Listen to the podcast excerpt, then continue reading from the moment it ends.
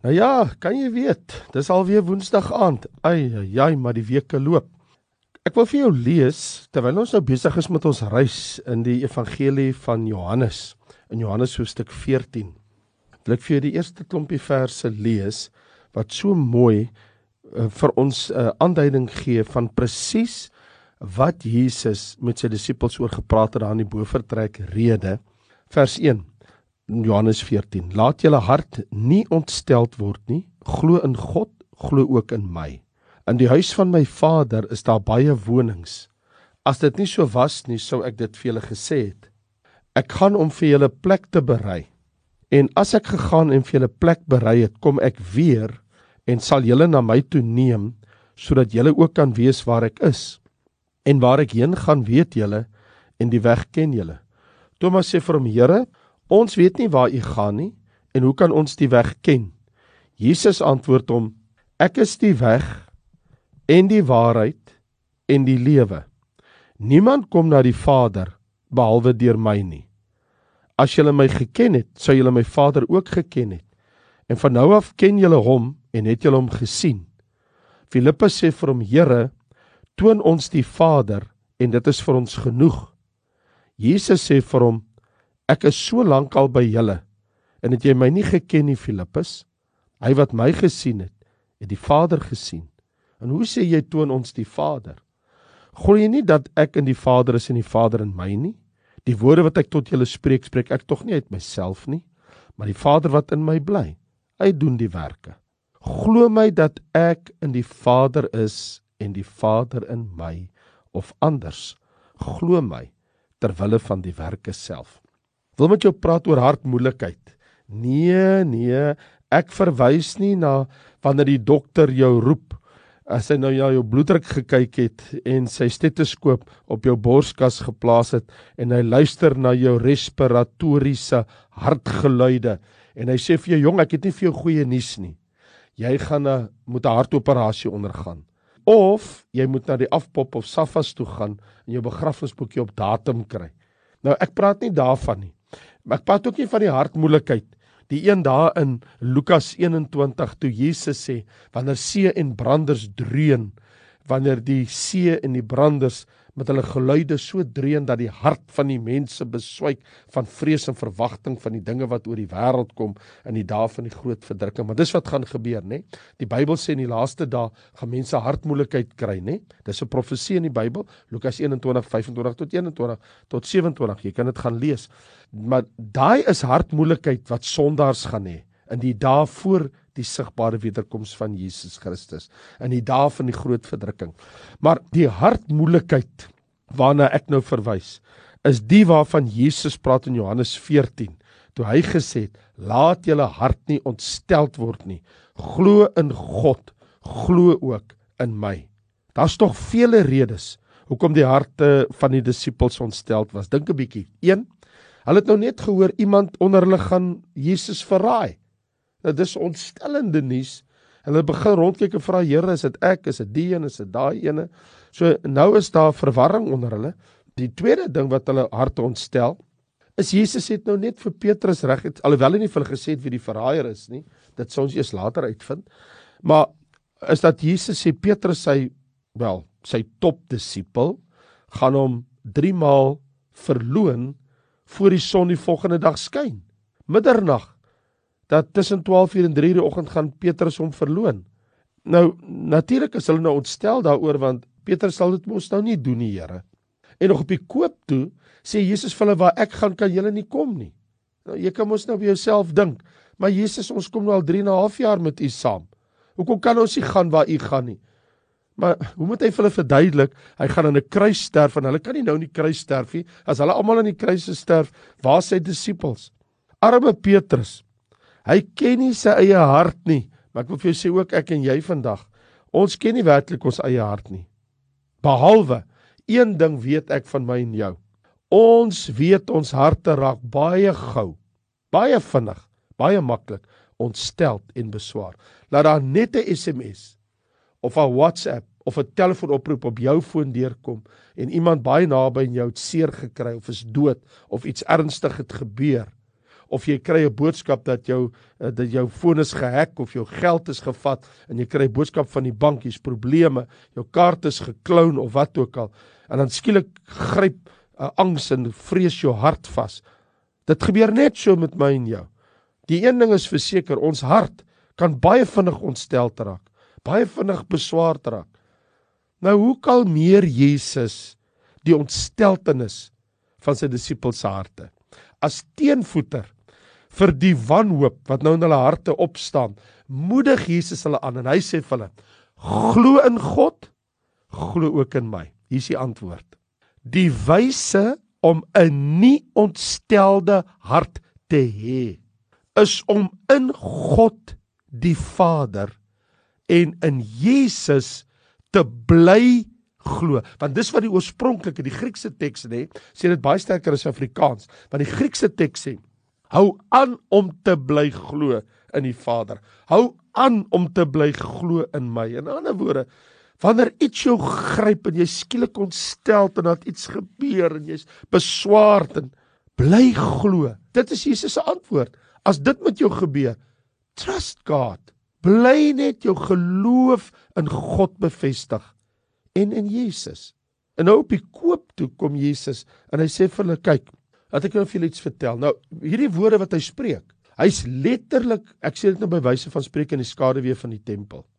Want die bovertrek kan op die tempel afkyk. Ek was al baie daar.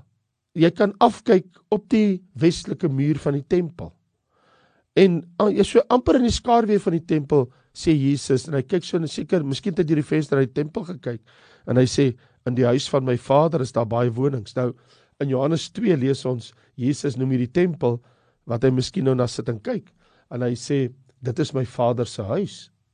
Maar daar's nie blyplek in die tempel vir ons nie. Daar's nie kamers dat jy in God se teenwoordigheid kan bly nie, maar hy praat van my Vader se huis in die hemel. Hy sê in die huis van my Vader is daar baie wonings. As dit nie so was nie, sou ek vir julle gesê het, ek gaan om vir julle plek te berei. En as ek gegaan het en ek vir julle plek berei het, kom ek weer en sê hulle my toe neem sodat julle kan weet waar ek is. Nou daai baie wonings is ook interessant, nee, ek hoor pastore preek en dan hoor ek hulle praat sommer net hulle hulle baie keer nie 'n idee wat hulle sê nie, want hulle het nie mooi gaan kyk na die woord, die wonings nie. Die baie wonings waarvan Jesus praat is, hy praat van 'n blyplek, 'n woning soos 'n huis, 'n rusplek. Maar die klem val nie op, ooh, ek het 'n mansion in die hemel. Hier op aarde as ek in my modderhut of ek bly maar in my uh um uh, uh aan mekaar geslaande houthuisie of sommer maar net 'n sinkplaat huisie. Nee nee nee, dis nie wat Jesus gesê het nie. Hy het nie gesê I'm building you mansions in heaven. You know, ek het hierdie eksotiese paleis wat vir my wag. Dis nooit wat hy beloof het nie. Dis nie wat hier staan nie. Jesus sê vir hulle: Ek gaan vir julle 'n plek berei. 'n Plek waar julle kan wees waar ek is. En die klem in hierdie geval gaan op om waar jy gaan woon, waar jy gaan bly eerder as op 'n plek wat jou beïndruk. So Jesus probeer nie sy disippels beïndruk nie en sê luister, jong, jy moet net kom, julle moet net bietjie kom daar waar ek is, dan wys ek julle wat dit ek waar ek vandaan kom. Nee. Al wat hy vir hulle wil sê is, my vriende, julle moenie so ontsteld wees nie. Julle moet in God bly glo, in die Vader en in my bly glo. En ek wil julle moet weet dat ek vir julle 'n permanente plek gaan voorberei. So ek wil julle bekommerde harte troos met die wete daar is 'n ewige veilige tuiste vir julle. Ek het vir julle 'n rusplek. Ek het vir julle 'n blyplek. So wat ons hier sien in Johannes 14 is dat Jesus verseker hulle dat hulle sal hom weer sien want hy sê julle sal my weer sien, né? Hy sê ek gaan vir julle plek en sodat waar ek gaan julle kan kom en julle sal my weer sien. Nou wat nou interessant is tot nou toe het Jesus in hierdie bofortrek, maar ek miskien net vir dit sê, jy geweet dat die bofortrek is Johannes 13, 14, 15, 16 en 17, soos vyf hoofstukke, né? Nee? Daai hele gesprek in die bofortrek is vyf hoofstukke in jou Bybel van begin tot einde. Nou, so vroeër in die gesprek, daar in vers 36 van hoofstuk 13 toe sê Jesus mos vir hulle hy sê vir hulle julle kan nie kom waar ek gaan nie want hy het nie die destinasie die eindbestemming bekend gemaak nie. Maar nou hier in hoofstuk 14 sê Jesus vir hulle ronduit ek gaan na my Vader se huis. Ek gaan hemel toe. Nou vertel hy reguit en hy vertel hulle maar julle ken die weg hy vertel hulle waarheen hy gaan en hy sê vir hulle julle ken die weg nou hulle ken die weg hulle ken die pad maar hulle weet nie waar die pad heen lei nie. Geen wonder dat die Here in vers 5 sê, Thomas, hy sê vir die Here, hy sê Here, ons weet nie waar hy gaan nie. Hoe kan ons die weg ken? So hy gooi onmiddellik wal. Thomas is like, Here, maar hy objekteer nou, 'n mens kan nie as jy as jy nie kennis het van die destinasie van jou eindbestemming, hoe moet jy weet die pad om soontoe te gaan? So sy argument is As jy dan nie vir ons sê wat die eindbestemming is en wat die destinasie is nie, hoe sal ons die pad ken? Hoe moet ons daar kom waar u heen gaan? En Jesus se antwoord is: Thomas, ek is die weg en die waarheid en die lewe. En niemand kan na die Vader kom behalwe deur my nie. Hy sê, ek is die pad. Volg my. As jy my volg, sal jy die hemel aankom. Jy sal by die eindbestemming kom. Moet jou nie bekommer nie, Thomas. In ander woorde, Volg net vir my want dan gaan julle in die regte rigting. Dis waarop dit neerkom. Dis kom my 'n paar hoofstukke verder, hoofstuk 21 vers 19 sê vir Petrus, Petrus. Die Petrus het met allerlei stories kom en die disippels sê hy, Petrus, volg my. Dis al wat hy sê. Follow me. Nou as jy Jesus volg, dan beweeg jy in die regte rigting en sal jy uiteindelik by die eindbestemming aankom. Daar's nie twyfel daaroor nie. Just stay in Jesus. Nou gee Jesus twee redes oor hoekom as hy wel gevolg word, wanneer iemand hom volg as die weg, as die regte pad, dit voldoende is. Hulle hoef niks meer te weet nie. So eerstens nou sê vir hulle ek is die enigste weg. As jy in die teks kyk, hy sê ek is die weg en die waarheid en die lewe. En hy sê en niemand kom na die Vader behalwe deur my.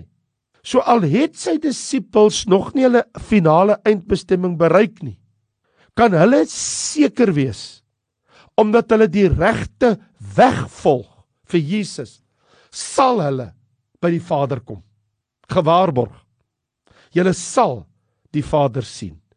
Want jy sien, die tweede ding is wat hy sê is om hom te ken is om die Vader te ken. Want nou kom daar nog objeksie in dat Filippus sê, hy sê Here, maar toon ons net die Vader, dan is dit vir ons genoeg. U loop op die water, u wek die dooies op, u maak die wind stil, u kan enigiets doen. Wys ons net die Vader, as u net dit vir ons kan doen. En Jesus is like, Filippus, ek is al so lank by julle. Wat verstaan jy nie? Ek en die Vader is een. Wie my sien, het my Vader gesien. Wie die Seun sien, sien die Vader. In 'n sekere sin hoor sy disippels nou opnuut dat Vader God homself, die Vader van die hemel, het toegelaat dat hy gesien kan word op aarde deur die lewe van sy seun Jesus Christus. Dis hoekom Jesus sê, ek en die Vader is een. Wie my sien, het die Vader gesien. So hier in Jesus se bofortrek rede is hy baie duidelik. Hy's baie regheid met sy disippels. Hy praat nie deur gelykenisse nie. Hy sê dit soos dit is. Hy sê, "Ja, julle gaan hemel toe, want dit is waarheen ek gaan. Die hemel is my Vader se huis."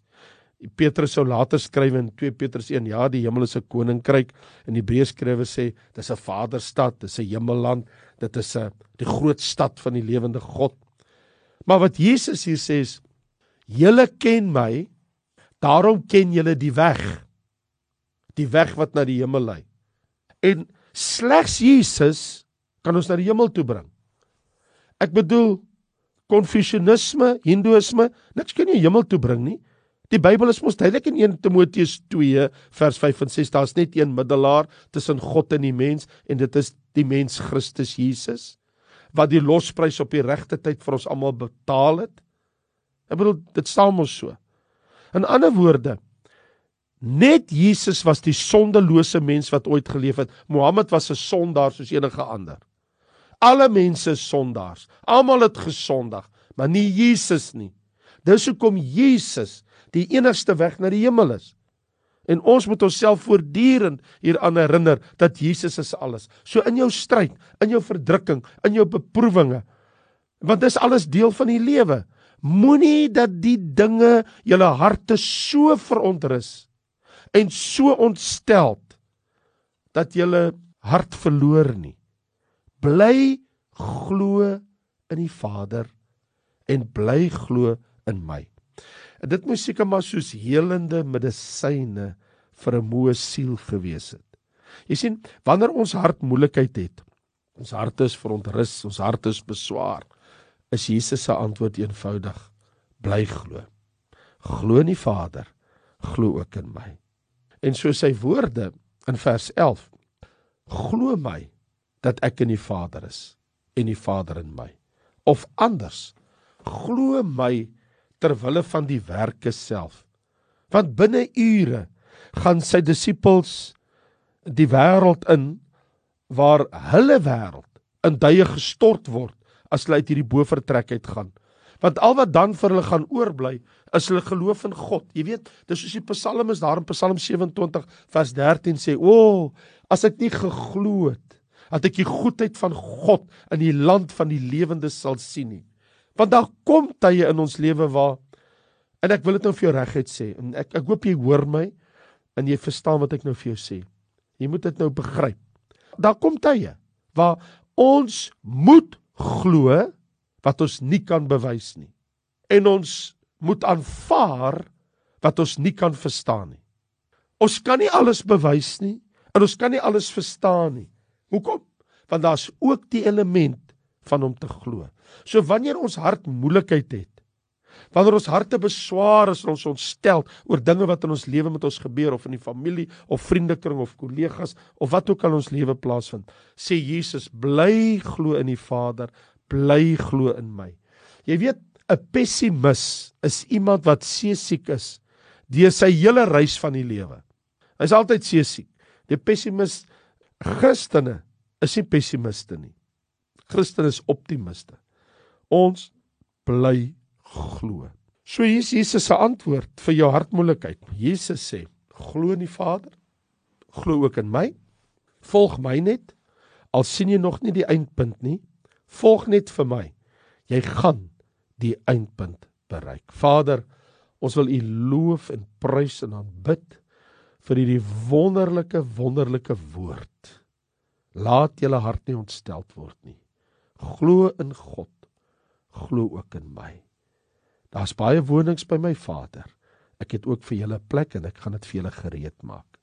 Here, maar kom ons daar. Volg my is die antwoord. Ek is die weg, ek is die waarheid en ek is die lewe. Volg my en julle sal by die eindbestemming by die Vader in heerlikheid eindig. Vader, ek dank U vir die vrede en die kalmte en die rustigheid wat u nou in gemoedere bring. Vir ontruste gemoedere vir ontruste en ontstelde harte.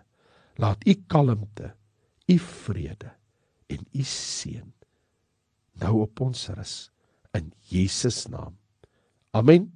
Natuurlik is Raymond Lombard as die Here wil kyk ek weer met jou. Onthou Sondae aande nê dit ons ook fokus op die woord vrede vir jou die Here seën. Baie dankie en totsiens